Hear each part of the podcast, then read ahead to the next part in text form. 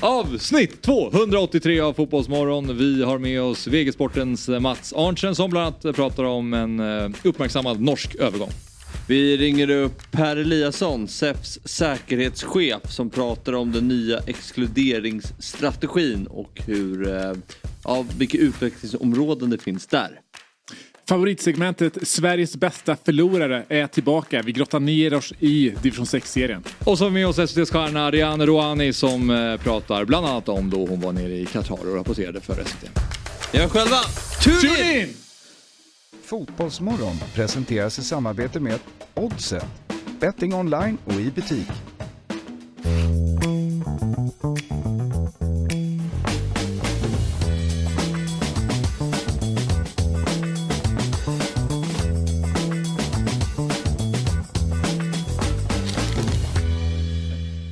God morgon och varmt välkomna till Fotbollsmorgon avsnitt 283. Mm. Var den okej? Ja, den är bra. Kanske bättre än vad vi förväntade dig, för vi var, ganska, vi var ju alla ganska trötta här precis innan vi körde igång. Ja, det men som. nu känner jag verkligen att pigga till. Ja, Det var det jag behövde. fanns li- en gnutta energi i det där i Ja. alla fall. Eh, ja, det är dags för ett nytt Fotbollsmorgon med mig Axel Inslander och eh, Stocksunds chefstränare Fabian Ahlstrand. Och så eh, Per Frykebrant som kan allt. Det är därför vi är här. ja, Att vi kan allt. Ja, du kan allt. Ja, jag kan allt. En allkonstnär. Ja, exakt. Ja. exakt. Det är därför... Ask me anything. Nej, vi ska ha en AMA. Det är, lite, det är lite det jag känner faktiskt Ja. om jag ska vara helt ärlig. Ja. Att, om, att man kan fråga Per lite grann allting och han kommer ändå komma med ett, även om du inte kan det hundraprocentigt så kommer du komma med ett svar som jag skulle köpa. Ja, Jag är så kallad, kan vad som helst. jag är så kallad kille. Det är det, det är. ja det är sant i och för sig. Det är det. Fast du är en, eh, dina chansningar känner jag känner mig tryggare med dem än bara liksom... Än bara Fabbes. Äh, Ja, det är också såklart. Men en random kille som jag känner att någon som skulle bara killgissa. Ja. Dina killgissningar skulle jag känna var mer träffsäkra än ja, men det känns bra. en gemene snubbe. Att jag har liksom en sån aura av att ha liksom ändå så här hyfsat träffsäkra killgissningar. Det är lite det livet går ut på. ja. Man vill hela tiden vara så nära sanningen som Det är stort att uppleva det från första parkett också. Ja. Det bredvid sig. Ja. Det bara sitter tyst hela sändningen. Men det Ja. är ju, det här, idag drar ju, på tal om lite, lite eh, där BRICS-mötet, toppmötet drar igång idag. Mm. Eh, Jag känner att vi är väl lite av liksom fotbollsmålens svar på BRICS-länderna. eh, så det är liksom, det är BRICS-onsdag. Och du hör ju också att det här är liksom någonting som jag och Fabbe inte hade koll på. Ja, men det, Och, och, och, det, och det, eller du kanske hade det? Nu, nu börjar det bli obehagligt för nu kanske han bara ljuger. Ja, precis. ja, Brasilien, Ryssland, Indien, Kina. Mm. Ja, ja, men, Det är vi. Ja precis. Ja, men just att det skulle dra igång också idag. Ja. Det hade liksom... Hade Nej, inte, det nå, hade inte nått den informationen. kanske inte eh, info man behöver. Men det förvånar mig inte att du, att du hade koll på det och det gläder mig. Men ehm, vi ska väl ta och dra igång det här programmet med lite intro. Och eh, för exakt 50 år sedan inleddes Norrmalmstorgsdramat. Mhm. Mm, Vad Kul, 50 år sedan alltså. 50 år sedan. Wow. Mm. Det är ganska stort. Det är väl det som egentligen mest har satt Sverige och Stockholm på kartan än någonting annat. Det är ju det som ligger i grund för uh, Stockholmssyndrom. syndromet. Ja. Ja, Ja. Stockholmssyndromet ja. Eh, Och är väl, måste väl ha varit det minst eh, genomtänkta någonsin. vad, vad, vad heter han nu som drog igång? Janne Olsson? Janne Olsson. Ja, Mark Olofsson. för att, eh, Clark, ja. eh, för att frige Clark. Clark var inte med på det för fem öre. Nej. Han skulle skickas in där för att förhandla med, med Janne också. Exakt. Alltså, det var polisens strategi. Exakt. Och eh, han vände ju ganska omgående till att jag hakar på Janne. det här känns som en dunderidé. Och det, det var ju förmodligen inte eh, superbriljant då. Nej, nej, alltså för, inte från någon sida. Alla visar upp sig från sin sämsta sida Ja. i Norrmalmstorgsdramat. Ja. Eh, Man hade velat eh, uppleva det på plats. Men du höll på ändå en vecka typ. Alltså Ja, som de var där inne och pysslade tror jag. Exakt, exakt. Ja, de hade ju ingen brådska ut. Nej, Eh, och, Men eh, och det var väl så att, alltså apropå eh, Stockholmssyndromet då, att Olof Palme ringde. Och, Mm. och då var det någon av dem som satt i Island som, som eh, pratade med Olof och var liksom så här, jag är, inte, jag är mer rädd för polisen än vad jag är för, Ja. för Janne och Clark här. Vi Ja. gör det ganska nice. Alltså det var typ så. Ja. Olof blev väl lite förvånad kanske över den responsen. fan, Janne! Alltså. Jag är inte rädd för Janne. Det är fortfarande fyra personer som hålls som gisslan inne i banken. Tidigare idag fick eh, Ekoredaktionen en telefonkontakt i banken med Kristin Enmark som alltså sitter där som gisslan. Alltså jag är inte det minsta rädd för Clark och den här andra killen. Jag är rädd för polisen. Förstår du det? Och åker vi med dem, okej, okay, chansen finns att de tar död på oss va. Men det gör de inte. Jag tror inte att de gör det va. Du litar alltså på... Och jag litar fullständigt på dem. Jag skulle kunna åka hela världen runt med dem. Definitivt alltså. Jag tror mig eller ej, men jag, vi har haft riktigt trevligt här. Vi har suttit och pratat och allting. Det enda man har varit rädd för är att polisen ska gå till attack. Det är jag livrädd för va. Vi gör detta avsnitt i samarbete med Telia och det vi gillar med Telia är att du kan samla alla sporter på ett ställe. Och då menar vi verkligen alla. Smart va? Nu när Premier League har dragit igång så kan du följa ligan och du kommer kunna följa Champions League när det drar igång samtidigt som du kan följa slutspurten i Allsvenskan och gruppspelet i SHL. I grymma appen Telia Play kan du se alla sporter och matcher live eller i efterhand om du skulle vilja. Och skulle du vilja råka vila lite från sportvärlden kan du självklart följa alla filmer och serier som finns hos Viaplay, TV4 Play och Telia. Du kan också lägga till allt från HBO Max utan extra kostnad. Jajamän, och priset då? Jo, det kostar bara 649 kronor i månaden, vilket gör att du sparar över 500 kronor jämfört med att köpa tjänsterna separat. Så, att samla sporten smartare och dessutom spara en massa pengar. Ja, det är Telia. För nu har vi med oss nästa gäst. Eh, I derbyt mellan Djurgården och AIK i våras så såg vi stökigheter och i efterspelet så har noll personer blivit avstängda. Eh, säkerhetsansvarig i AIK, Henrik Koch, eh, sa då att man är bakbundna eftersom man inte haft tillgång till materialet från övervakningskamerorna. Nu kan det dock komma att ske förändring. Den 2 juni var SEF, RF och polisen kallade till regeringen för möte gällande den aktuella samhällsdebatten om våld på fotbollsarenor. Och igår så träffade då Svenska Elitfotbolls ordförande, generalsekreterare Johan Lindvall och säkerhetsansvarig Per Eliasson kanslirådet Marcus Hellqvist och rättssakkunnig Moa Pettersson, regeringskansliet i Stockholm. Och vad, sa, eh, vad sades då på mötet? Vilken väg kommer svensk fotboll ta nu? Eh, det är det vi undrar och därför har vi med oss på länk då eh, SEFs Per Eliasson, ansvarig för säkerhet. Så vi säger god morgon och eh, välkommen till Fotbollsmorgon Per. God morgon! Du, eh, under mötet så tog ni upp följande punkter. Lagförändringar som SEF vill prioritera kopplat till användande och rätt till filmmaterial samt längd på avstängningar och redogörelse vilka åtgärder som SEF hittills gjort och vilka som planeras framöver, framförallt kopplat till en förbättrad arenasäkerhet. Eh, du kan börja med Per och berätta om, eh, mer om lagförändringarna. Vad, vad, krävs för att det ska bli lättare att gå vidare med en anmälan efter till exempel då den incidenten i, i derbyt?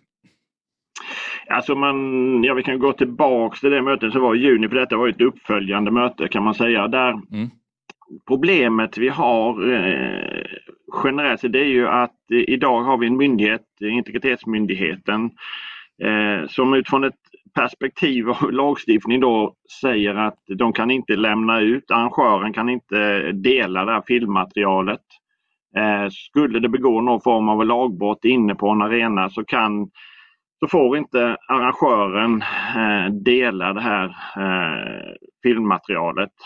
Och om man inte äger kamerautrustningen själv, vilket eh, vissa arenor gör. Eh, och det är egentligen där som vi tillsammans med RF och Hockeyförbundet och så vidare eh, har haft en diskussion och dialog med eh, politikerna för att hitta en, eh, en lagstiftande åtgärd som gör att eh, arrangören tidigare eh, och, och, definitivt direkt när det här händer kan eh, titta på materialet eh, och med det också identifiera de personer eh, som har begått de incidenter och lagbrott som har begåtts inne på arenan. Så det är väl egentligen den övergripande och mest prioriterade frågan som vi har. Det är inte bara fotbollen utan det handlar ju om hockeyn och övrig idrott också. Jag tänkte på den här alltså, exkluderingsstrategin som har eh, tillkommit istället för villkorstrappan. Har, har ni tillräckligt mycket resurser och verktyg för att genomföra det just nu? Alltså man pratar om mer kameror till exempel.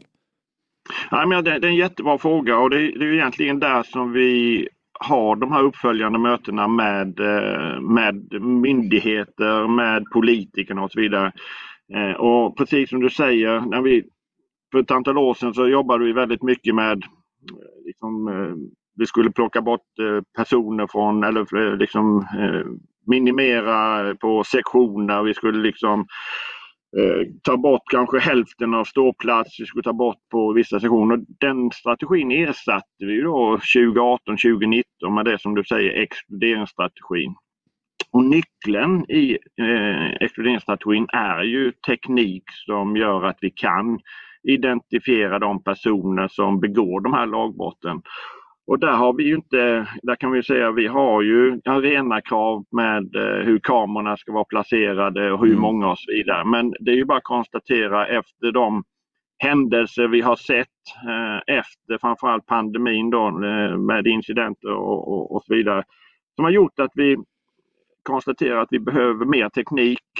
Vi behöver bättre kameror för att kunna identifiera framförallt de personer då som är maskerade och som begår de här eh, lagbrotten. Så att eh, jag skulle vilja säga så här att ja, vi är på väg men vi behöver fortfarande eh, det pågår teknikutveckling, det pågår att vi gör, förändrar våra arenakrav och det, eh, framförallt så ser vi ju en, eh, vi ser en progress i det här men vi behöver hjälp av det som vi var inne på och diskuterade innan här. Vi behöver hjälp av politikerna för att vi ska kunna också få tillgång till det här materialet som arrangör eh, för att kunna identifiera. Hur har det gått så här långt med den nya strategin? Ja, men vi, både vi och myndigheterna, eh, framförallt och Polismyndigheten, är ju, vi är ju nöjda. Framförallt vill vi ju att det, det ska ske rättssäkert. De, de avstängningar och de tillträdesbud som genomförs, att de ska ju vara rättssäkra. Sen hade vi kanske hoppats på ett större utfall men det finns som du var inne på det, det finns eh, saker och ting i den tekniska utvecklingen som kanske behöver förbättras. Eh, vi behöver förbättrade lagstiftningar för att komma åt det. Men eh, det här är mer träffsäkert. Vi vill ju inte att de händelser och så vidare ska drabba oskyldiga människor. Så därför så, det kommer ta lite tid men för oss handlar det om att det är rätt människor, det är rätt individer som begår de här som också blir avstängda. Ja, för till exempel då, som sagt i derbyt mellan Djurgården och AIK i våras så var det ju noll personer som blev avstängda och du var inne på att ni är nöjda och så här, är det att ni är nöjda med eh, eh strategin i sin helhet men inte med tillgångarna som ni, eller alltså förutsättningarna ni har eller vad, kan du utveckla vad du tänker Per?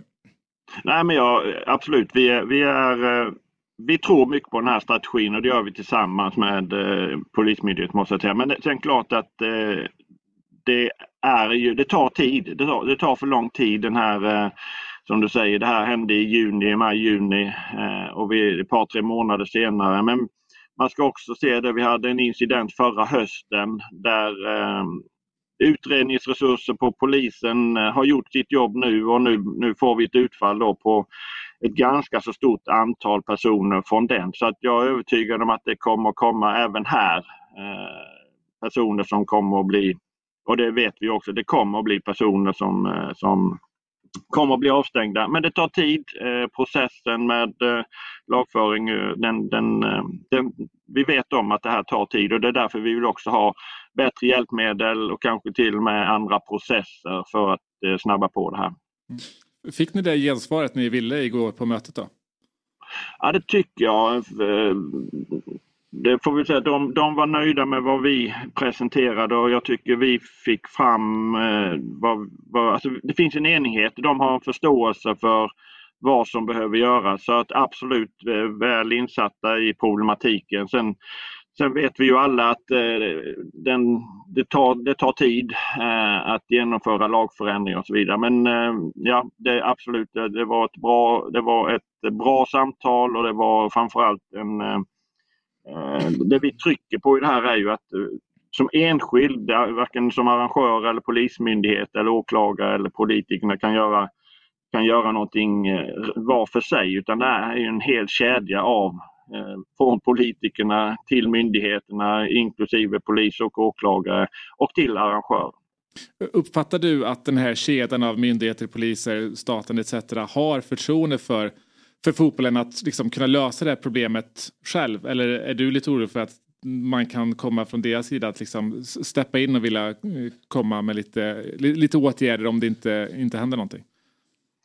Ja, det tycker jag vi ska vara ju. Det, eh, men i, i dagsläget så finns det inga sådana finns det inga såna diskussioner egentligen. Men däremot så tror jag vi önskade från båda parter att vi hade haft ett bättre utfall. Men det är som vi kopplar tillbaka till innan. Men Eh, vi ska väl också säga så här att självklart eh, så har vi haft incidenter eh, som vi inte, eh, de, de här vill vi inte se på våra arenor. Jag, jag tycker man ska också lyfta fram att vi vi har en unik, en fantastisk eh, supporterkultur i Sverige eh, utifrån ett europeiskt perspektiv. Men att vi efter den här pandemin också har sett händelser och incidenter som inte hör hemma på våra, på våra arenor. Och, och utifrån det perspektivet så såklart att det som klubbar gör och arrangörer nu det, det handlar ju också om bygg, ombyggnationer på arenor för att eh, säkra de här eh, att vi ska inte kunna springa runt på arenan, vi ska inte kunna komma ner på, på pitchen och, och så vidare. En idé som har bollats upp är det här alltså matcher utan borta supporter i synnerhet i samband med högriskmatcher. Hur ser du på den framtiden? Tror att vi kan hamna i ett sånt läge? Nej, det hoppas jag verkligen inte att vi gör. Eh, som sagt att vi eh, från vår sida så som vi säger, vi, vi tycker vi har en fantastisk eh, mm. supporterkult i Sverige och det är viktigt att vi bevarar den. Men det är klart att ser vi fortsatt den här typen av incidenter så, så klart att myndigheter kan gå in och styra. Eh, men från fotbollens sida ser vi inte att det är en Eh, vi vet, det, det finns ju i Europa på som ett antal länder som har det så, men då har du inte den kulturen heller, eh, skulle jag säga. Och du har inte den stämningen inne på arenorna. Så att, från vår sida så, så, så tror jag, precis som du sa innan, är nyckeln till det här, eh, det är exkluderingsstrategin. Men det gäller också att vi får fram verktyg, vi får ha teknisk vi har eh, tekniska hjälpmedel som eh, och framförallt liksom kan hantera de maskerade personerna som, som begår lagbrotten. För det, det, det hör inte hemma eh, i, på våra arenor. Om du skulle bara gissa eller uppskatta när, om det nu skulle hända, när tror du att ni kommer få tillgång till det material som ni vill ha tillgång till då, från övervakningskamerorna? Alltså jag är rätt så hoppfull eftersom det inte bara är fotboll utan det är RF och det är hockeyn. Det finns ett stort tryck nu på eh, att förändra detta eh, och framförallt när man ser också att det är en av nycklarna till, till att eh, lösa det här. Så att jag hoppas verkligen att det är en av de prioriterade uppgifterna för politikerna. Och den signalen tycker jag vi har fått några gånger av dem också. Okej. Okay. Jag tänker på, eh, för du, du nämner att det, det, är viktigt att ha tillgång till bilderna men det finns ju också de som maskerar sig eh, under olika flaggor som kanske är svårare att eh, få tag på. Eh, hur tänker ni att ni, eh, hur ska ni göra med den problematiken? Alltså där, eh, ja det, det, är, det är också en väldigt bra fråga och det, det är också något vi diskuterar. Och där, där får man ju också vara ärlig och säga att det, de händelser och incidenter som har begåtts eh, de föranleds ju ofta av den här typen av maskering under stora, under stora eh, flaggor och så vidare. Där, där har ju arrangören ett eh, ansvar eh, liksom att hantera den situationen. Eh, men vi vet ju också att myndigheterna har varit på frågan och sagt att det kanske inte det är inte tillåtet att ta in den typen om det är i syfte att begå lagbrott. Det vet vi att myndigheterna varit inne på också. Eh, får bara säga, vad gäller att använda övervakningsbilder, har det varit så att det eh, faktiskt funnits riktiga regler emot att använda det? Eller har det egentligen att göra med hur klubbarna har valt att lite själv tolka reglerna? Nej, alltså det är egentligen, förändringen kom ju i, när man flyttade över det här till en myndighet och, och eh, det det handlar om är egentligen att du som klubb har ju rätt att hantera det här materialet om du själv äger eh, film Eh, Eh, eller övervakningsutrustningen. Men om den ägs av en, exempelvis en arenaägare eh, så är det de, det där finns, eh, det är där man kan säga, det där problematiken finns. Att de, kan, de får inte dela det materialet med andra än en polismyndighet eller en myndighet. Så att det, det handlar egentligen mer om det handlar mer om att man har flyttat över och att det är kopplingen till att man inte själv äger eh, övervakningsutrustningen. Mm. Ja, jag vet att du måste iväg Per, men eh, du, stort tack eh, för att du var med oss här i Fotbollsmorgon. Tack själva. Ha det gott. Ja, ja. vi eh, tar en kort paus och eh, när vi är tillbaka då är Myggan här i studion förhoppningsvis. Och så ska vi prata lite spel. Då är det bomben som gäller och sen så är det Sveriges bästa förlorare och sen så kommer Rian Rouhani hit. Det ser jag väldigt mycket fram emot så att eh, det finns mycket gott kvar av det här avsnittet av Fotbollsmorgon så gå ingenstans.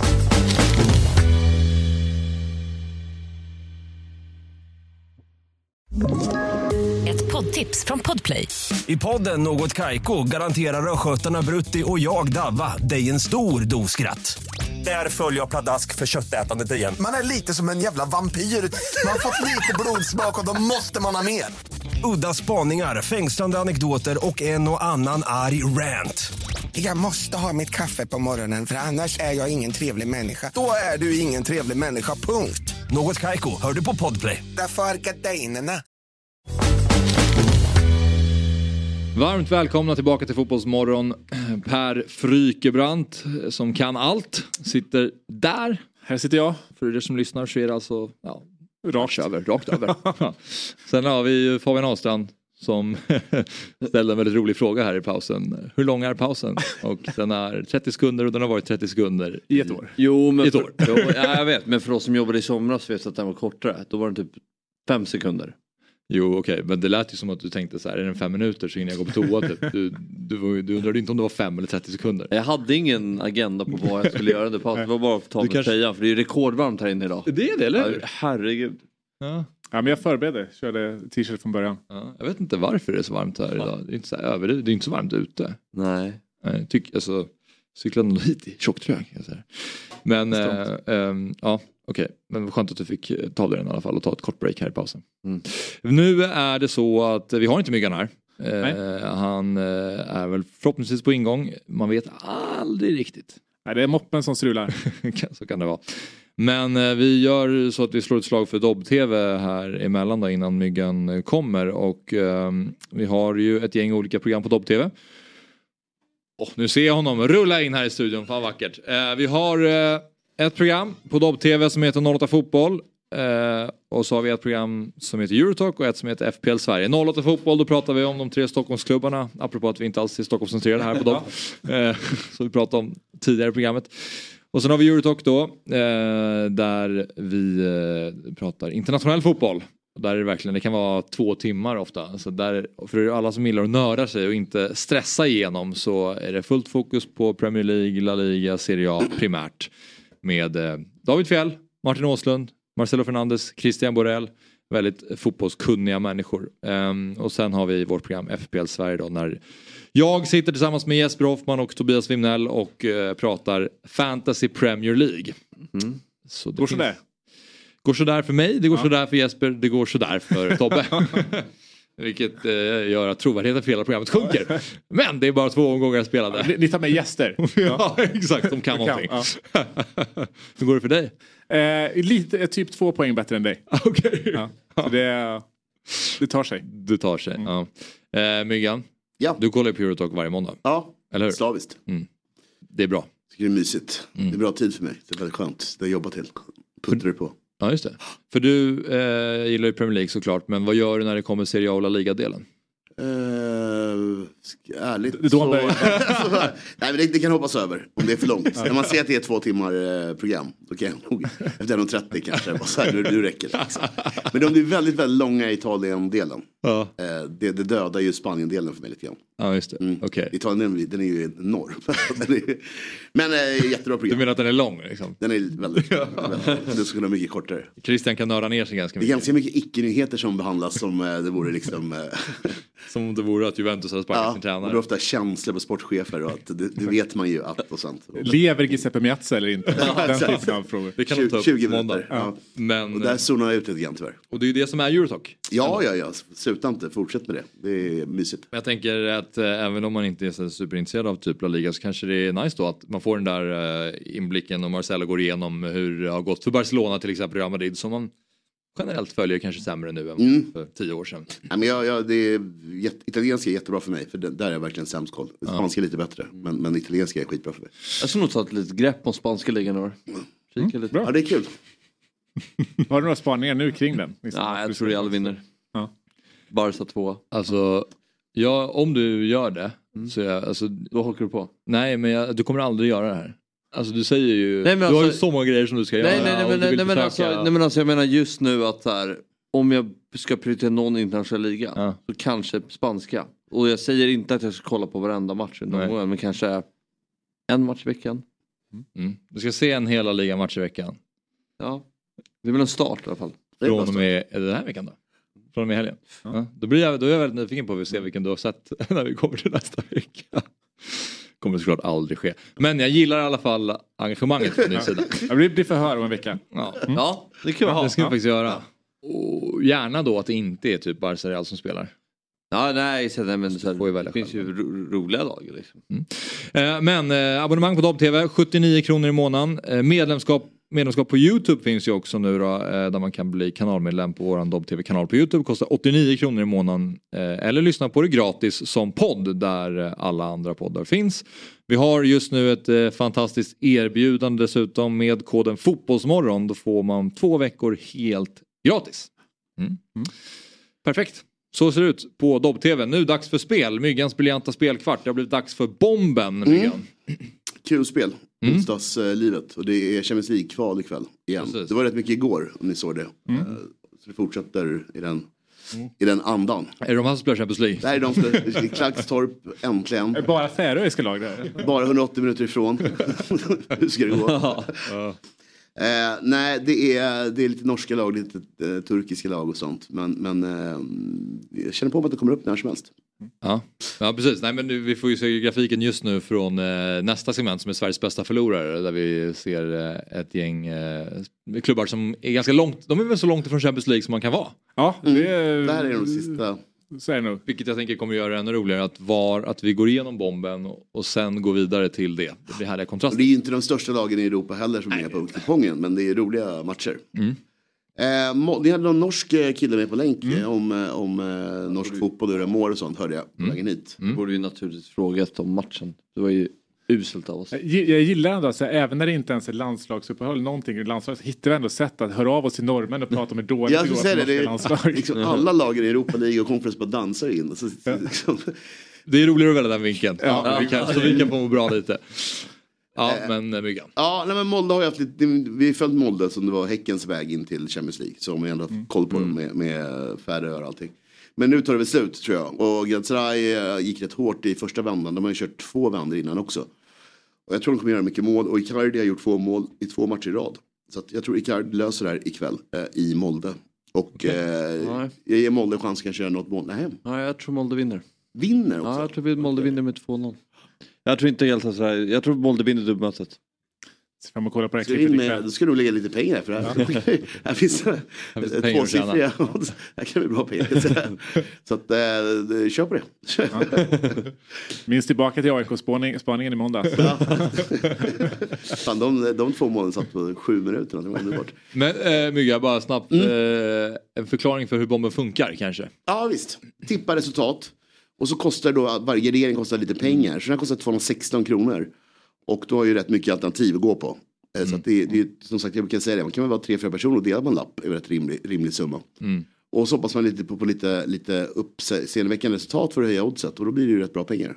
Precis, de eh, siffror som är markerade där i vitt, Mm. de, de, de får gärna stämma så att. Precis så, åt, åt alla håll hur som helst så att säga. Så Ja. Det kan vara 1-1, 0-1 och sådär. Är Wilfried Zaha med och spelar nu eller har han eh, inte kommit igång än? Nej, han ska vara med och spela men jag vet inte om han, om han startar. Nej. Det är dock oklart. Men, eh, men vi hoppas på 1-1 då i första matchen för Fabbes skull och min skull. Mm. Så vinner vi båda två. Och så blir det bra odds också. Ja, att 2-0 stämmer inte riktigt för din del. Första matchen. Nej, exakt. Ja, exakt, exakt. Som sagt, dina tips är inte... Hur jag, tänkt ska, jag skakar inte. Det var inte därför jag sa 2-0. Nej, jag får inte, jag får inte Jag ändra mig heller. Så det är hur lugnt som helst. Men bra input. Eh, Braga, Panathinaikos. Där är det faktiskt eh, klasskillnad. Och eh, Panathinaikos gick vidare mot Marseille om ni såg det i den här Mm. Eh, oturliga övertid och straffar och allt vad det var. Så att nu tar det slut. Jag tror att Braga tar tag i det ordentligt och vinner ett stort första matchen. Och sen då Daniel Sundgrens Maccabi Haifa mot Young Boys. Young Boys är ju sidade och kommer in nu i turneringen. Så det är lite svårt att läsa av dem, hur de ligger till mot de andra Europalagen. De har börjat ganska nyligen i Schweiz också. Och det är en ganska svag liga.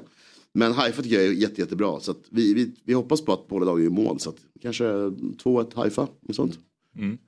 Men, men svår, den är svår, den sista är absolut svårast. Är det den som är, och, och den, vilken känner du mest trygg i då? Det är nog eh, match nummer ett. jag hjälpte ju Fabbe till att spä på lite grann. Jag såg- Du gjorde det ännu tryggare. Ja, men jag glömde bort lite grann den där AIK-reken och sen att hans pappa skulle inte följa mig och någon annan och sånt. Liksom. Ja, så sitter två mål för Norrköping på 17 minuter. Ja.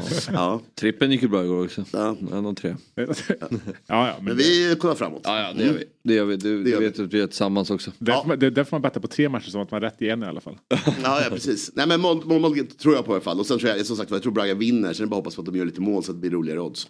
Men match nummer tre, absolut svårast, helt klart. Kanske roligast också, eh, som utomstående tittar på ikväll. Ja precis, när det gäller de här lite fotbollstunnare kvällarna som det, är, som det var igår kväll och som det är i- ikväll då. då så eh, kan man ju lägga på med spel så kan det bli lite roligare att följa de här matcherna. Ja men det var ju rätt bra kväll igår ändå. Det var ju den här polska eh, Mot FCK. Ja, Mm. och sen eh, Ibrox eh, PSV-matchen var ju Ja. väldigt stökig. Det var, Ja, okej. ja, det var röjigt. Det var Ja. bra. Vad blev det den matchen? Ska det bli 2-2? Rangers eh, PSV. PSV. Ja. Mm. Rangers eh, ledde kvittering, exakt 2-2. Luke- Ledde PSV ett tag. Luke de Jong gjorde mål eller? Jag tror det. Gamla Jag- Barca. Jag kollade faktiskt tv-serier och så hade jag TV-fotbollen på utan ljud. Ja, okej. Så det var, jag ska inte, eh, Nej. Det låter ungefär så som man vill kolla på Champions League-kval mellan Men det var röj på läktaren. PSV. Ja. Det var, det var kul. Jag noterar även att Serginho Dest startade. Världens femte Jäklar bästa högerback. Mm. För PSV, han har gått nu då. Ja, startar nog alltså. Mm. För, men alltså hans karriär är ju... Jo, men känns är som ju våra unga, snabba. och- Ja. den är på väg åt fel håll kan man ja, säga. det- det kan. Minst sagt. Ja, Minst sagt. Ja okej, men eh, kul eh, med eh, bomben ikväll då. Spelstopp 20.59. Ja. Jag har en bra känsla. Ja, vad kul. Ja. Ja. Men det, är bra kul. Det, det är därför är tv-stunden lite grann. Så Ja. det kan vara kul, kul en mys en onsdagkväll. Eh, och sen så är det tipset imorgon som vi kommer tillbaka och snackar om. Ja, ja mycket bra. Eh, och bomben är en produkt från Svenska Spel, Sport och Casino AB. Åldersgräns är 18 år och om man har problem med spel då finns stödlinjen.se. Det eh, var det hela för det här och det var ju tanken att vi skulle hoppa över här till eh, Sveriges bästa förlorare. Jag tror att Otto ska komma in i studion och liksom dra det här för oss. Eh, kan det vara så Viktor? Ja, Jag tror det. inte plats jag tror jag. Ja, ja. Eller vill du sitta Jag kan byta annars. Nej, det är lugnt. Okej, men då eh, tackar Tack vi för av dig Myggan. Ja, då. Ja. ses imorgon Det här- det här- det här Hoppas att bomben bra. sitter. Ja. Det gör den. Det gör vi absolut. Jag måste gå fel väg varje gång.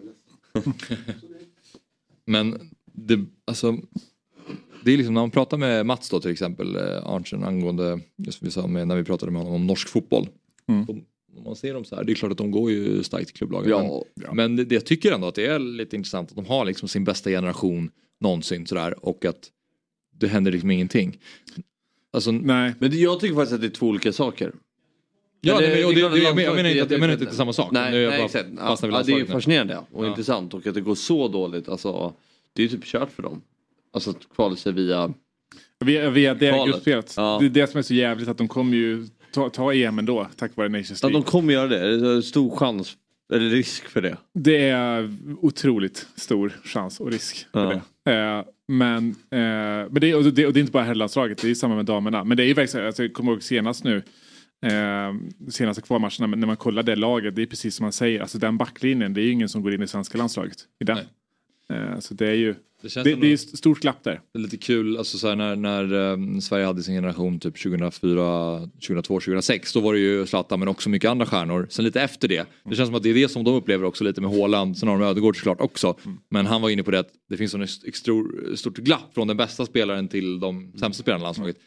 Så har det ju varit lite i svenska landslaget under många år också. Att det är så här, det har alltid varit Zlatan. Och sen så fyller man på med spelare som kanske inte får spela i sina klubblag. Och Ja, men det är bara att kolla vilka som kommer fram och grattar Zlatan efter målet på Friends mot England. liksom, så ser man vilken diskrepans det är i, i kvalitet. Ja. Trots det ska sägas att Sverige har ändå varit bra på att ta till mästerskap. Det är ju Ja. en, en egenskap som inte Norge har haft uppenbarligen. Men det är väl lite så här. Sitter lite mer i väggarna i Sverige än i historiskt än vad det gör för Norge uppenbarligen.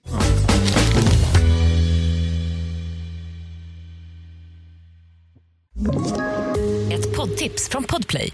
I podden Något Kaiko garanterar östgötarna Brutti och jag, Davva, dig en stor dos skratt. Där följer jag pladask för köttätandet igen. Man är lite som en jävla vampyr. Man har fått lite blodsmak och då måste man ha mer. Udda spaningar, fängslande anekdoter och en och annan arg rant.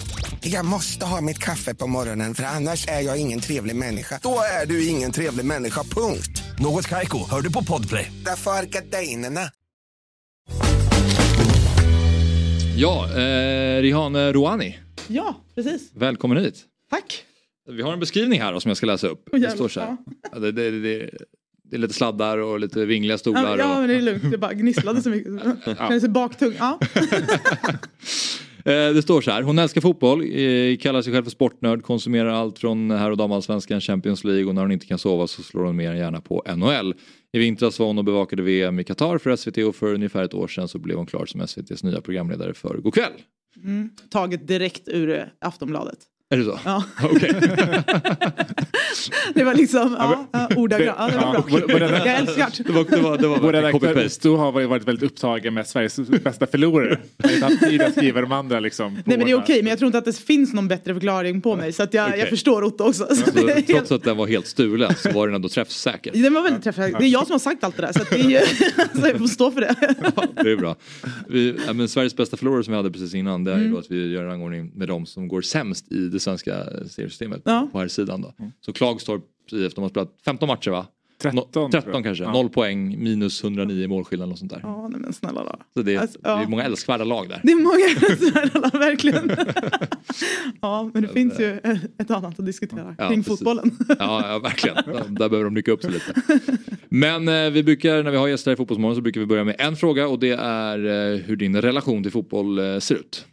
Jag tänker att det vara till dig Eh, också. Ja, överkonsumtion ska jag väl typ säga. Eller så här, lite så. Eh, den är ju ganska osund men den har ju blivit... Eh, det, det låter så himla konstigt men jag har, så här, jag har tappat det personliga med det mer och mer utifrån att jag liksom jobbar med det mer och mer också. Eh, vilket jag... Ja, men det är också en liten sorg för att jag har... Fotbollen har varit liksom min... Ja men vad ska man säga? To go to. Både att spela det, var, det är liksom då jag har kunnat rensa, eh, rensa bort allt annat skit i livet. Liksom.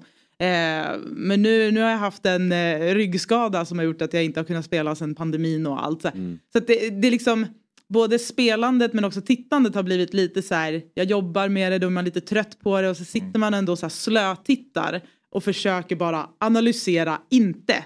Mm. Snälla, analysera inte matcher för du förstör, du hugger sönder dem. Och sen så har man ju alla de här streaming eh, liksom, så att man kan gå tillbaka också. Alltså man kan skapa sina egna repriser. Vilket gör att man bara, men du vet man slaktar en match fullständigt. Istället för att bara så här, gå in i det med ja, men den känsla som matchen i sig ger. Eh, så sitter man där och ja, har huggt sönder den istället. Så att, eh, Ja. det är väl ungefär den relationen jag har med fotboll just nu. Det där kan man ju verkligen relatera till. Att man kollar fotbollsmatcher i ett, utifrån ett, nästan ett jobbsyfte. Liksom. Att man, Att man inte går in och känner den här matchen vill jag verkligen kolla på utan att exakt. den här matchen bör jag kanske ja, kolla just, på. det, är Ja. väldigt, det är en minoritet i alla fall av matcher där man känner att nu bara njuter jag av fotbollen. Ja, okay. Eller ja, i och för sig, nej det är det ju inte men... Men det är lite så. Ja, Man njuter ju mycket men det är som att man också, sen så går man liksom också in på olika plattformar och ska så här, höra alla analyser och se alla analyser, man twittrar eller X eller vad fasen det kallas. Men, så här, man ska liksom, man ska konsumera det i liksom sån överflöd så att man är rätt på det också. Att man har gjort rätt analyser. Är det någon som håller med mig? Är alla med? Eller? Alltså, det är så här, man, alla ska vara med på den analysen man har gjort på något sätt. Eh, och det är inte alla gånger det är så men, eh, men det är väl mer att då känns det som att man har, gjort, eh, man har gjort det till ett jobb även fast just den matchen ingenting med min bevakning att göra Nej. just här och nu, just idag liksom. Men Men har du den förmågan då att kunna sätta dig i soffan, lägga bort telefonen, koppla bort och bara titta Nej. på matchen ur njutningsperspektiv? nej. Men det, fördelen är ju till exempel att så här, jag, jag behöver ju väldigt sällan jag behöver väldigt sällan liksom s- ha några briljanta analyser kring La Liga till exempel. Vilket är väldigt skönt. För då kan jag kolla på La Liga. eh, För att det är liksom den serien som jag gärna tittar på. Då kan jag kolla på de matcherna utan att behöva eh, ge någon analys till någon annan. Men så sitter man ju där själv som en nörd och vill liksom gå igenom saker och ting. Ah, varför funkade inte det här då? Och så här. Så det, det är mycket sånt också. Men an, det är klart att jag vill ju njuta mer än vad jag gör. Förr njöt jag ju mycket mer. Liksom. Vilka lag är det som du följer specifikt? Eller Real Madrid. Real. Mm. Eh, så att ja, Franco-laget. Exakt. Ja. jag, vet, alltså, jag, har hört allting, det är så här, det går liksom inte. Men det är inte, jag kan inte heller säga att så här, ja men det är för att min pappa följde dem så jag har följt dem, det är min morfar som... Nej! Det är bara marängerna, de dök upp, I'm there for it. Alltså, och, så, och så är det bara det liksom. så det Du kanske inga... inte var så överanalytisk då när du började heja på Nej. Ung ålder kan jag tänka. Nej men och jag har fått jättemycket, alltså, det är oftast, oftast snubbar som ska ha åsikter om eh, vad man håller på för lag. Så så här, ja men du vet ju, du kan ju deras historia va? Eller kan du inte den? Och då är man lite så här, jo men jag vet men jag kan ju inte byta lag. För det gör man ju inte. Alltså man går ju inte in och så här, "Ja, jag ångrade mig. Nej. Jag har hållit på dem i så här, ja, men typ 20 år, men jag ångrade mig nu. Alltså det går ju liksom inte. Så då sitter man och liksom biter i det sura äpplet och säger så här, jag vet att det här är ett Franco-lag, men det är Barca också, så att det är okej. Vi är alla på samma plan. Och jag tänker så här, i, I dagens moderna fotboll, så att, att en gång i tiden har varit Francos lag är, är, Ja, är det är de det mest bara- mi- mildaste historierna man kan Alltså, ha. Kanske, är, ja. liksom- det är ju hur, hur grönt som helst att, Ja. i relation till många Ja, andra i lag. relation, ja, på. ja exakt. Så, så det är det, det försvaret jag får köra varje gång. Ja. Men nu, nu kanske folk lugnar ner sig också. Med tanke på att alla lag är lite uppköpta av Ja, diverse olika ja. Så konstigheter. här, ja men precis, och när man är barn så man, man, det blir ju bara något lag. Alltså, Ja. Jag pratar med den här studion, de, många eh, som var på semester i, runt Medelhavet, de tröjor som man såg där var ju mycket Al Nasser-tröjor Mm. med Ronaldo på ryggen. De kidsen har ju det för att de tycker Ronaldo är cool, alltså Ja. i grund och botten. Det Och är så- spelaren framför laget. Ja liksom. exakt, Alltså. och de tänker väl inte på vad han representerar för klubb eller vad han i i förlängningen representerar genom att ha den. Pengar! Man Pengar ser- är bra! man- man ser- Pengar är bra killar! Alltså man ser redan nu Al Nasser-tröjor på skolgårdar här. Ja, det är så. Ja. Mm, det, det går väldigt fort. Alltså, och då kommer man ju själv ihåg så här, när jag var liten, det var inte så att jag kunde, jag kunde liksom inte enkelt få tag på Real Madrid-tröjor. Alltså det dröjde tills jag var vuxen, också för att det kostade så jävla mycket. Mm. Men att så här, saudiska tröjor dyker upp på marknaden. Alltså så här, hur gör man? Man bara, internet. Mm. Internet, tack. Det fanns inte då, men internet idag. Alltså kidsen kan ju få tag på det var som helst ibland, så det är ju skithäftigt. Men Ja. Också lite skrämmande hur snabbt det kan gå. Men du spelar fotboll fortfarande själv då fast du har varit skadad i några år nu? Ja, eller så här, jag har, jag har officiellt, men det är ju så med så här, när man, när man liksom tillhör ett lag men inte kan leverera på något sätt. Så att jag, har ju, jag har ju pausat mitt medlemskap eh, för att inte heller stressa upp mig själv. Okej. Eh, för jag har haft eh, ganska mycket så här, ja, men stressrelaterade eh, skador också. Mm. Eh, för att jag har gått tillbaka för tidigt. Och, ni vet, så här. och det är inte så att jag har en landslagsläkare som bara det här ska du göra, det här är din rehab. Så jag har ju liksom gått till, jag har försökt att behålla samma sjukgymnast och fått så här, ja, men du vet, sjuka behandlingar när de typ så petar in jag vet inte, två decimeter eh, liksom, långa akupunkturnålar i så här, arslet på en. Man bara ha! Och då sitter man ju där och bara så här, jag ska rehabba det här och försöka komma tillbaka. Så att jag försöker också så här, inte stressa mig själv. Men nu är det liksom en stress för att jag behöver avlasta mig i fotbollen. Så det, nu, ja, nu, ni fattar, Det är fucked up här uppe. Ursäkta, får man svära här? Ja, gud, ja, jag gud, känner bara så här, public service, jag har inte svurit på skitlänge. Så nu bara... Alltså, all, allting, du har liksom allt, allt uppdämt behov du har av att svära. Kör Nu den nu. jäklar, nu Ja. händer det. Precis, skickar du det?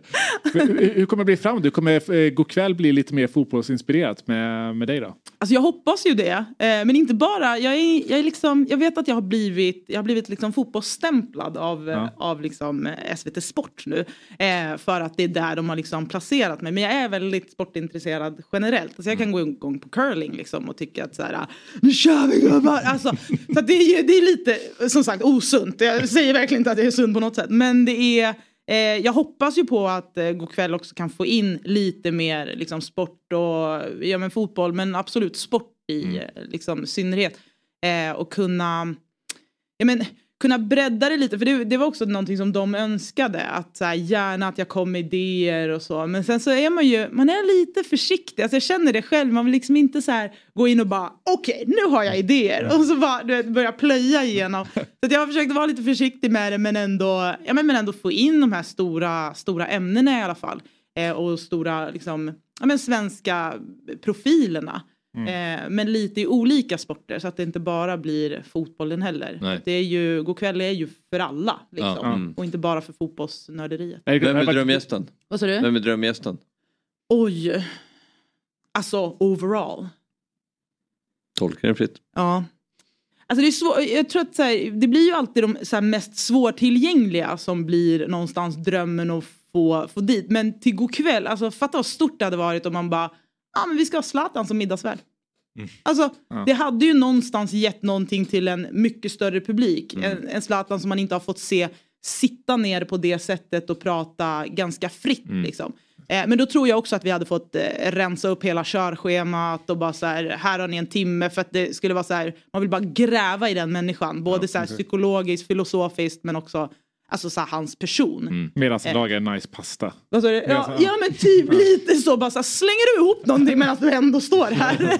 så att man skulle ju, det känns som att man hade maxat honom. Men jag, jag känner nog också så här. ähm, ja men den intervjun tror jag jag hade, jag hade liksom kunnat, eh, kunnat gå djupare med. Jag skulle vilja, jag skulle typ vilja eh, så här, prata med Zlatan om den betydelsen han tror att han har haft och kontra, ja men till exempel för en sån som jag. Mm. Eh, som är liksom av en annan härkomst, har fått, har fått lära mig att så här, du får rätta dig Mm. till, till det som är svenskt. Jantelagen. Alltså, medan det kom, kom en snubbe, han är inte många år äldre än vad jag är. Nej. Men det var ändå i en tid där jag kanske behövde det. När jag höll på att liksom kliva in i någon sorts karriär eller liksom plugga och ville någonting med, med min karriär och liv. Liksom. Och då, att det kliver fram en snubbe som eller människa bara, som tar för sig på det sättet och tycker att det är okej att vem som helst tar för sig på det sättet. Det, det så här öppnade ju mina ögon för att ja, men det, finns, det finns olika versioner av en svenskhet också. Mm. Sen har ju jag så här, med tiden så har man ju lärt sig det att så här,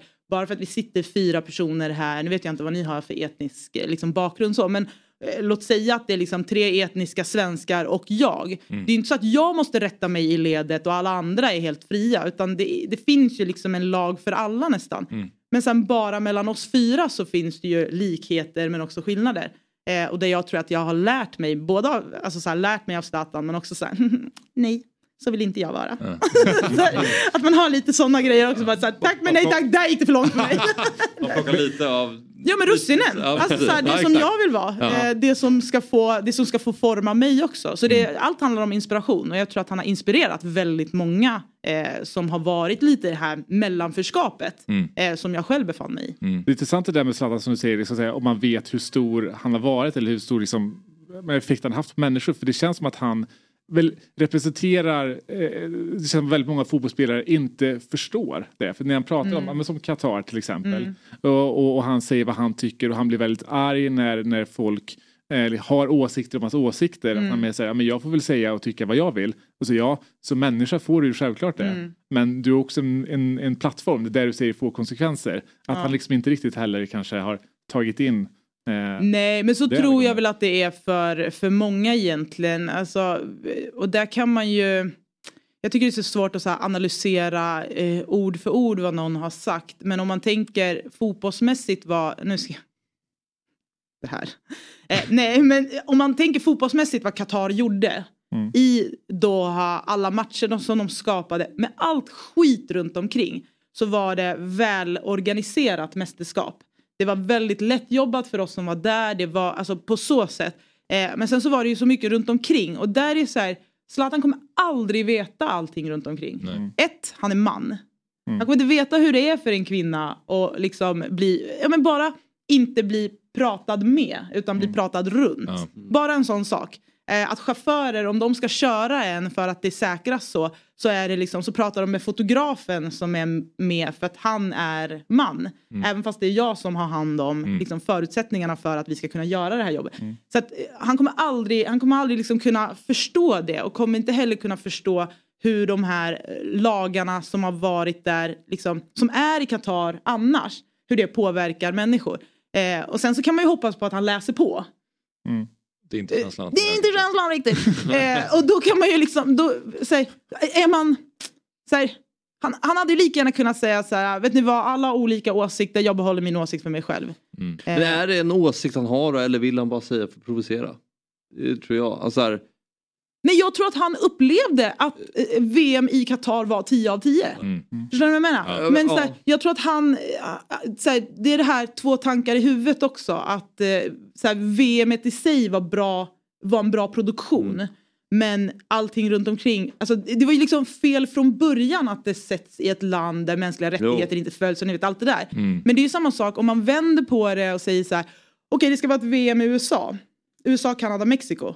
Samma USA som ville bygga en mur mellan Mexiko och USA. Alltså det, förstår ni vad jag menar? Och det är så här, samma USA som eh, som dödar svarta och liksom eh, ja, men, inte ger dem den rättigheten. Följer de alla mänskliga rättigheter? Så man kan verkligen så här, och det är ju verkligen inte att sätta så USA Qatar. Men jag Nej. menar bara att så här, mänskliga rättigheter, den frågan är så jäkla mycket större än att bara säga att Qatar följer det inte, därför stryker vi dem.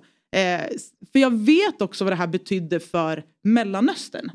Alltså den regionen och vad det betyder för Asien i stort och vad det betyder för Afrika och Nordafrika att det var i Qatar. Helt plötsligt var ett VM nära för dem. Och det är samma sak nu med senaste eh, damernas VM i Australien och Nya Zeeland. Alltså närheten det blev för dem i Asien som helt plötsligt kunde ta sig till de här mästerskapet.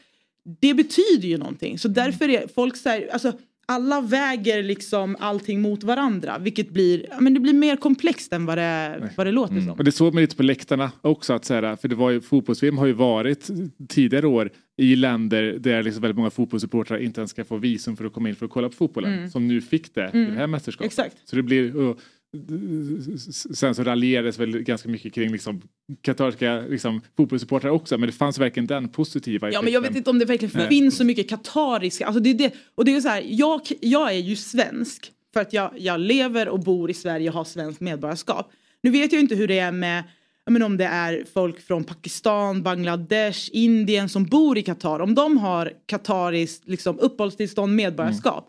Är de katarier då? Nej, för de ser inte ut att vara katarier, vad vi nu tror är katarier. Vilket gör att vi säger så här, ja fast läktarna är ju fyllda med indier. Och så här, engelska supportrarna är indier. Och det, var ju, det raljerade ju jättemycket var, över. Vad var det för någonting? Det känns som att det bara Det skedde bara innan turneringen. Alltså, De här som inhyrda fansen Ja. diskussionen. Ja. Ja men, ja men exakt, och det, men under, alltså under själva mästerskapet i Doha så var det ju jättemycket som, om man, om man får använda sig av liksom, eh, ja men profilering helt enkelt. Mm. Så var det ju väldigt mycket indier, pakistanier, Bangladesh, alltså där, där de såg ut att vara från den regionen. Eh, som, som var liksom ute med flaggor, alltså jag såg dem hela, hela tiden. Men det är för att många av dem bor där. Ja. Helt plötsligt så var ju VM på hemmaplan för dem. Mm. Så klart som fan. Och sen så, det så här, många av dem jobbar ju kring allting VM. För hela Doha var ju VM. Mm. Vilket gjorde att så här, de fick ju också biljetter. De fick köpa det billigare. De fick biljetter från sina eh, ja, men, Mm. arbetsgivare och grejer. Så de kunde ju gå på matcherna.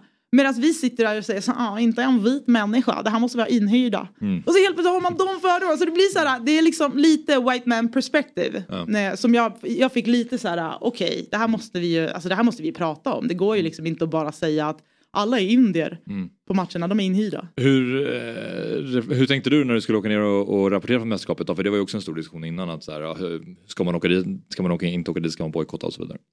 Alltså jag tänkte nog att det är min journalistiska uppgift att vara där, där det händer. Eh, och väl på plats så måste jag ju göra jobbet.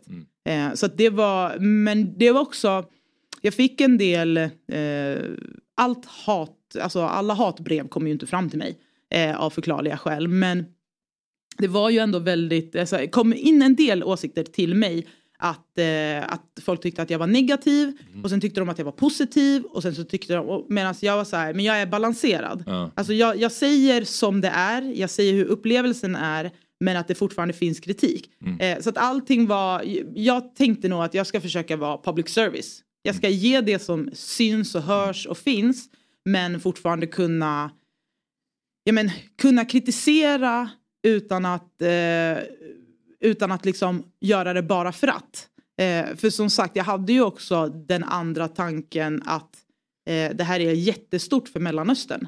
Eh, så att jag försökte ju, jag försökte ju gräva i det också. Om, om det fanns, alltså vilka åsikter som fanns bland människor med härkomst i Mellanöstern också. Så att det inte bara blev det här liksom, europeiska perspektivet. Eh, för det var ju också väldigt mycket kritik kring liksom, tidpunkten och så här, att det var på vintern och ni vet allt det där också. Men det var ju, det var till exempel några australienare som jag träffade där som var så här, de var ju, alltså de var ju väldigt få. Eh, men det var liksom två, tre stycken som hade backpackat och sen så eh, tog liksom vägen via Qatar bara för att de kunde och det var VM. De bara finally in the summer. Alltså, så de var ju liksom så här, det, det här var ju annorlunda för dem för annars så är det ju på vintern för deras del när det är VM. Så det, så det satte också ett perspektiv på det och bara så här, just det, jag kommer ju verkligen med det svenska tänket. Ja. Liksom. Eh, så ja, det var det, det är verkligen så här, Ja. ett mästerskap som ställde till det Mm. på alla sätt. I, Men därför var det så synd att det blev just Qatar och, liksom allt, och, hur, och hur man fick det. Just det, som att det var en Ja. så viktig diskussion att ha egentligen kring hur liksom Europa-centrerat Mm. eh, VM-fotbollen har varit. Att det blev inte den diskussionen. Nej, det kom i skymundan. fick inte riktigt bli den diskussionen Nej. för att säga det var i Qatar. Mm. Och det var väldigt synd. Det var väldigt synd. Alltså, men, det är, men det är också som du säger, att, så här, att de överhuvudtaget fick den. För att det är ju där, eh, så här, det är där man egentligen kan landa, att det är fel. Alltså det är Fifa som är problemet. Det går inte att säga Ja. någonting annat. Nej. Och det är så här, den processen som är. Att det faktiskt, eh, att det faktiskt delas, delas ut liksom friskt utifrån vem som har pengar. Inte vem som har förutsättningar utan det är vem som kan ge pengar under bordet. Och det här är så här, nu, Brasilien, vi ska inte... så här, att de fick VM trots de protesterna som fanns i landet. Att de bara Mm. skyfflade undan människor så här, i Rio bara. Du vet Rio och Sao Paulo, det bara rensades Mm. på människor. Det här vet man ju men ändå så fortsätter det på samma sätt liksom, eh, gång efter gång. Så Ja. att, Så eh, kommer Saudi få det snart här. Ja men alltså, Ja. Det, ja, men alltså de, har ju redan, de har ju redan planerat för det här.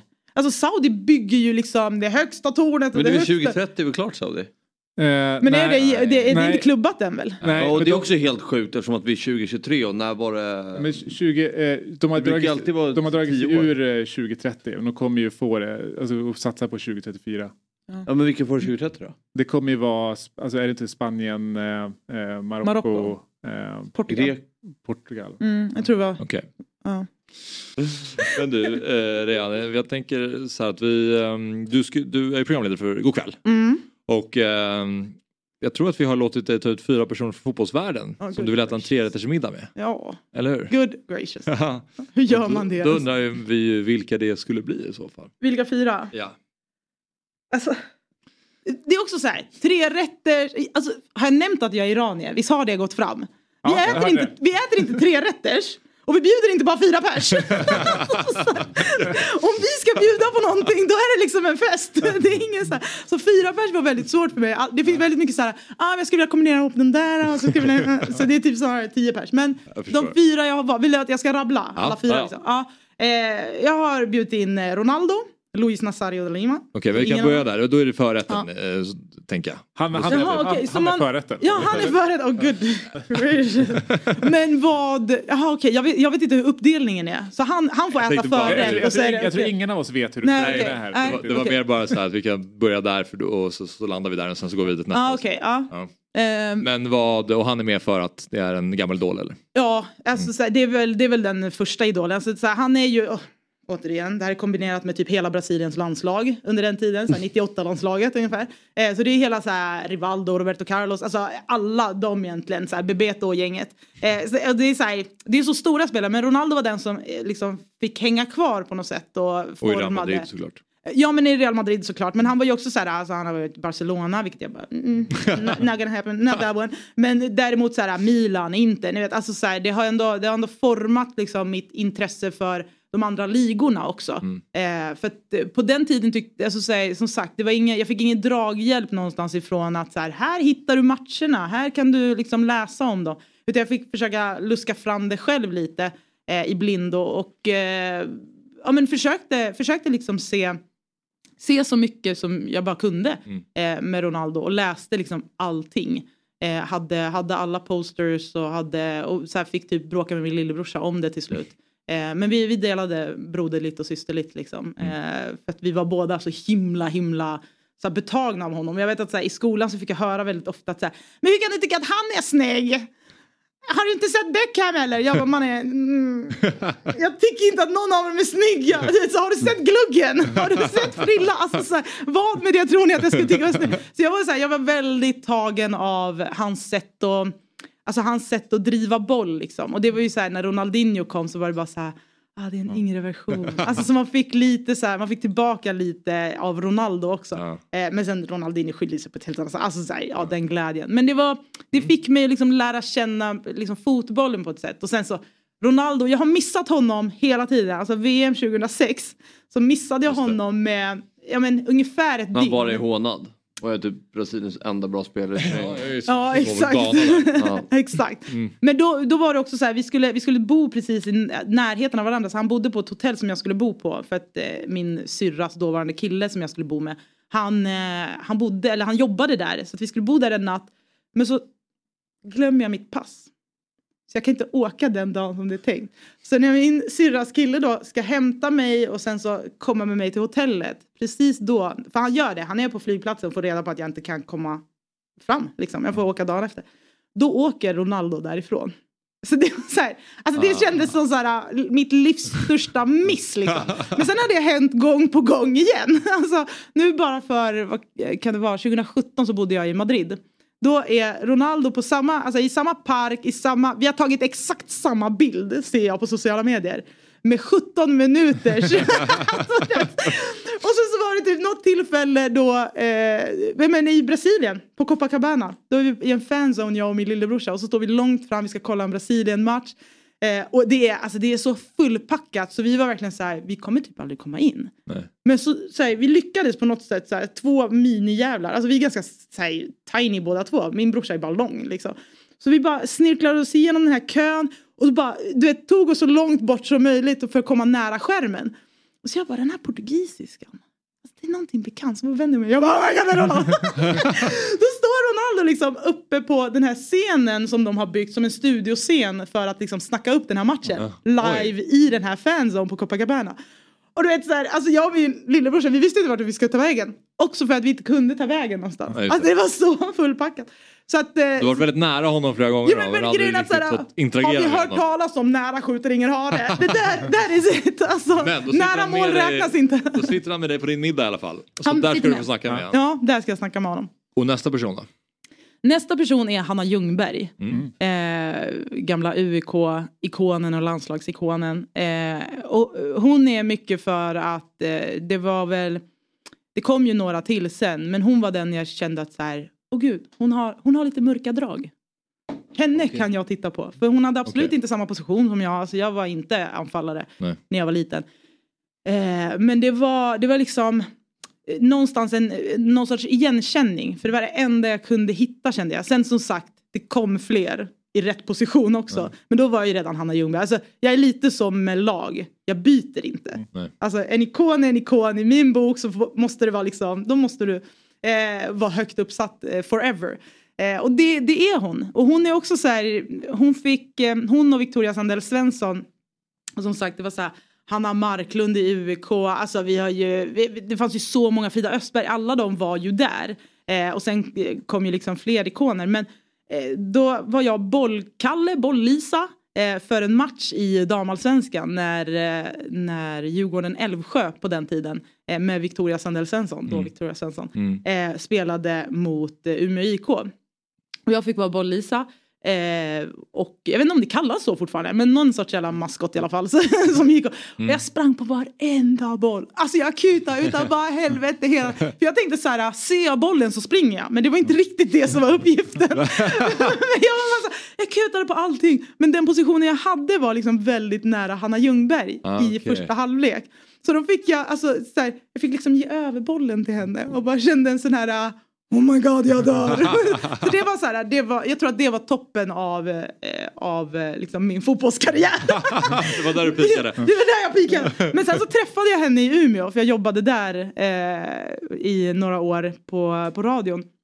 Och så träffade jag henne, alltså inte i intervjusammanhang, inte, ni vet, inte något sånt. Hon kom ut från ett gym, jag skulle gå in och bara bam! Så vi smällde in i varandra och hon tog tag i mig och bara såhär, åh gud förlåt. Och du vet såhär, jag är vuxen då. Alltså vi snackar, du är en vuxen människa. Men ändå, jag bara "Ah." Och det här är så här, Hanna Ljungberg, alltså hon, är så, hon är så försiktig. Det finns liksom ingenting, Nej. du, vad blir du starstruck över egentligen? Men det var bara så här, allt det som var från barndomen bara sköljde över mig i den stunden. Jag bara, det gick bra. och så gick hon, hon bara, är det säkert det? Och så gick hon så här, jag bara, stod jag där. Så det är Ronaldo, det är Hanna Mm. och så är det två till då. Två till, vill du ha båda? Ja. Jag har en, eh, en gammal tränare, Ja. eh, Gunnar Bengtsson. Eh, som är, ja men kanske, kanske den stora anledningen till att jag orkade fortsätta med fotbollen. För att jag har men det, blev ju, det blev ju ingenting märkvärdigt av mig. Det kanske det aldrig hade blivit. Men hade väldigt mycket skador eh, till en, ja, men ganska tidigt. Eh, men Gunnar såg till så att jag men tränade på ett visst sätt. Alltså han såg mig som fotbollsspelare på ett, eh, på ett sätt som jag inte hade varit med om tidigare. Eh, också för att så här, i min familj så var det så här, ja ja, fotboll. Medan min lillebrorsa var en fotbollsspelare.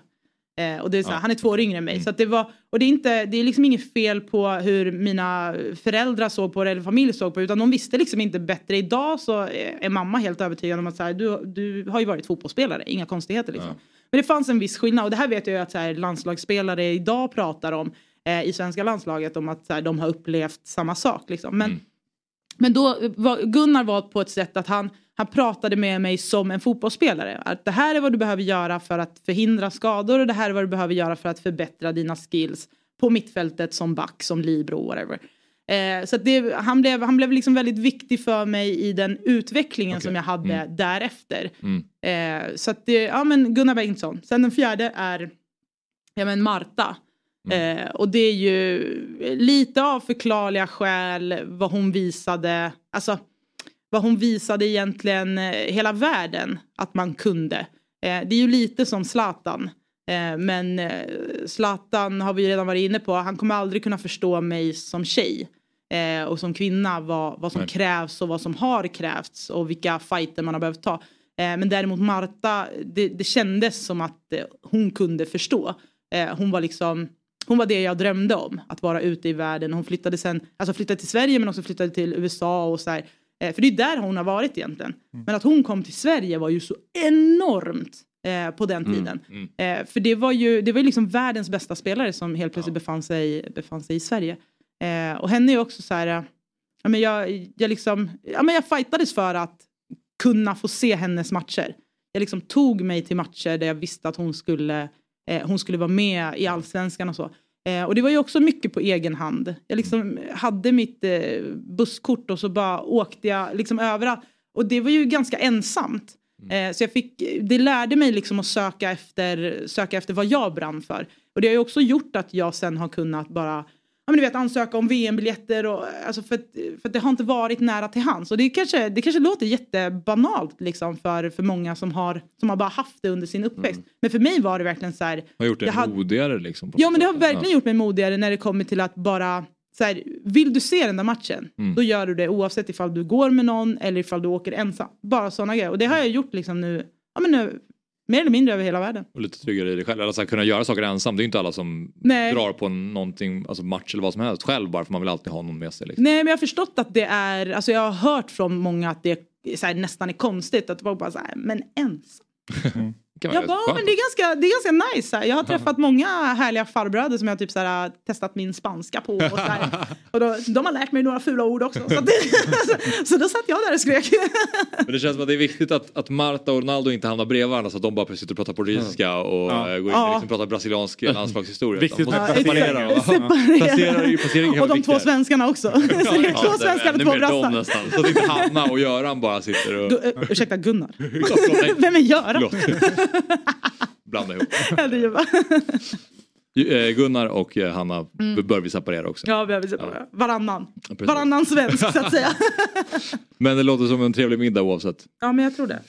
Ja, vi, eh, det, det liksom, så behövde stryka en del för man, det är så mycket man vill prata om. Ja, jag förstår. Eh, Jag kan prata. Det, det har gått fort, ja men det har varit jättehärligt. Och eh, du är varmt välkommen tillbaka hit. Vad, vad är nästa, när ser vi dig i rutan härnäst då? Ja men på fredag är väl det närmsta just med god kväll faktiskt. Ja. Eh, så då ska jag ha en eh, middagsvärd. Blir det någon fotboll? Nej, det blir ingen fotboll. Kan, Ja. kommer bli lite av ett systerprogram. Så här, fotbollsmorgon och så god kväll med lite fotbollsinspiration. Det Ja. blir liksom... eh, Du vill gärna sälja in det så men ja. Ja. Det blir fo- fotbollskväll. Exakt. Men det finns redan, fotbollsstudion. Nej men det ska, det ska bli väldigt kul. Alltså också komma in i, komma in i det rullet. För jag har, blivit, alltså jag har utvecklats jättemycket i eh, andra ämnen också. Så att det är mycket att det utvecklar mig och så här. Oh my god, jag lär mig typ musik och kultur. Tror fan att jag kan prata om det. så att det, ja men det, det ska bli jätteroligt. Ja. Mm. Ja, det var jättekul att ha dig här i alla fall. Verkligen. Eh, stort tack för att du kom hit. Ja men tack för att jag fick komma. Vi ska avsluta dagens Fotbollsmorgon. Jag tror det aldrig varit så varmt här inne. Alltså. Nej. Jag vet inte Nej, vad det är. Det brukar vara varmt i den här studion Mm. för att det är liksom tight och lamporna. Men eh, ja, just idag känner jag mig... Du gick och ta, tog av dig eh, tjocktröjan. Det gjorde du rätt i. Det blir nog mer plagg som ryker efter det. ja, vi får gå och ta varsin dusch. Eh, nu ska vi avsluta. Vi är tillbaka imorgon igen 07.00. Då är det jag och du. Och så kommer Anders Timell hit. Okej. Så är det. Vi säger så. Vi ses imorgon 07.00. Fotbollsmorgon presenteras i samarbete med Oddset. Betting online och i butik.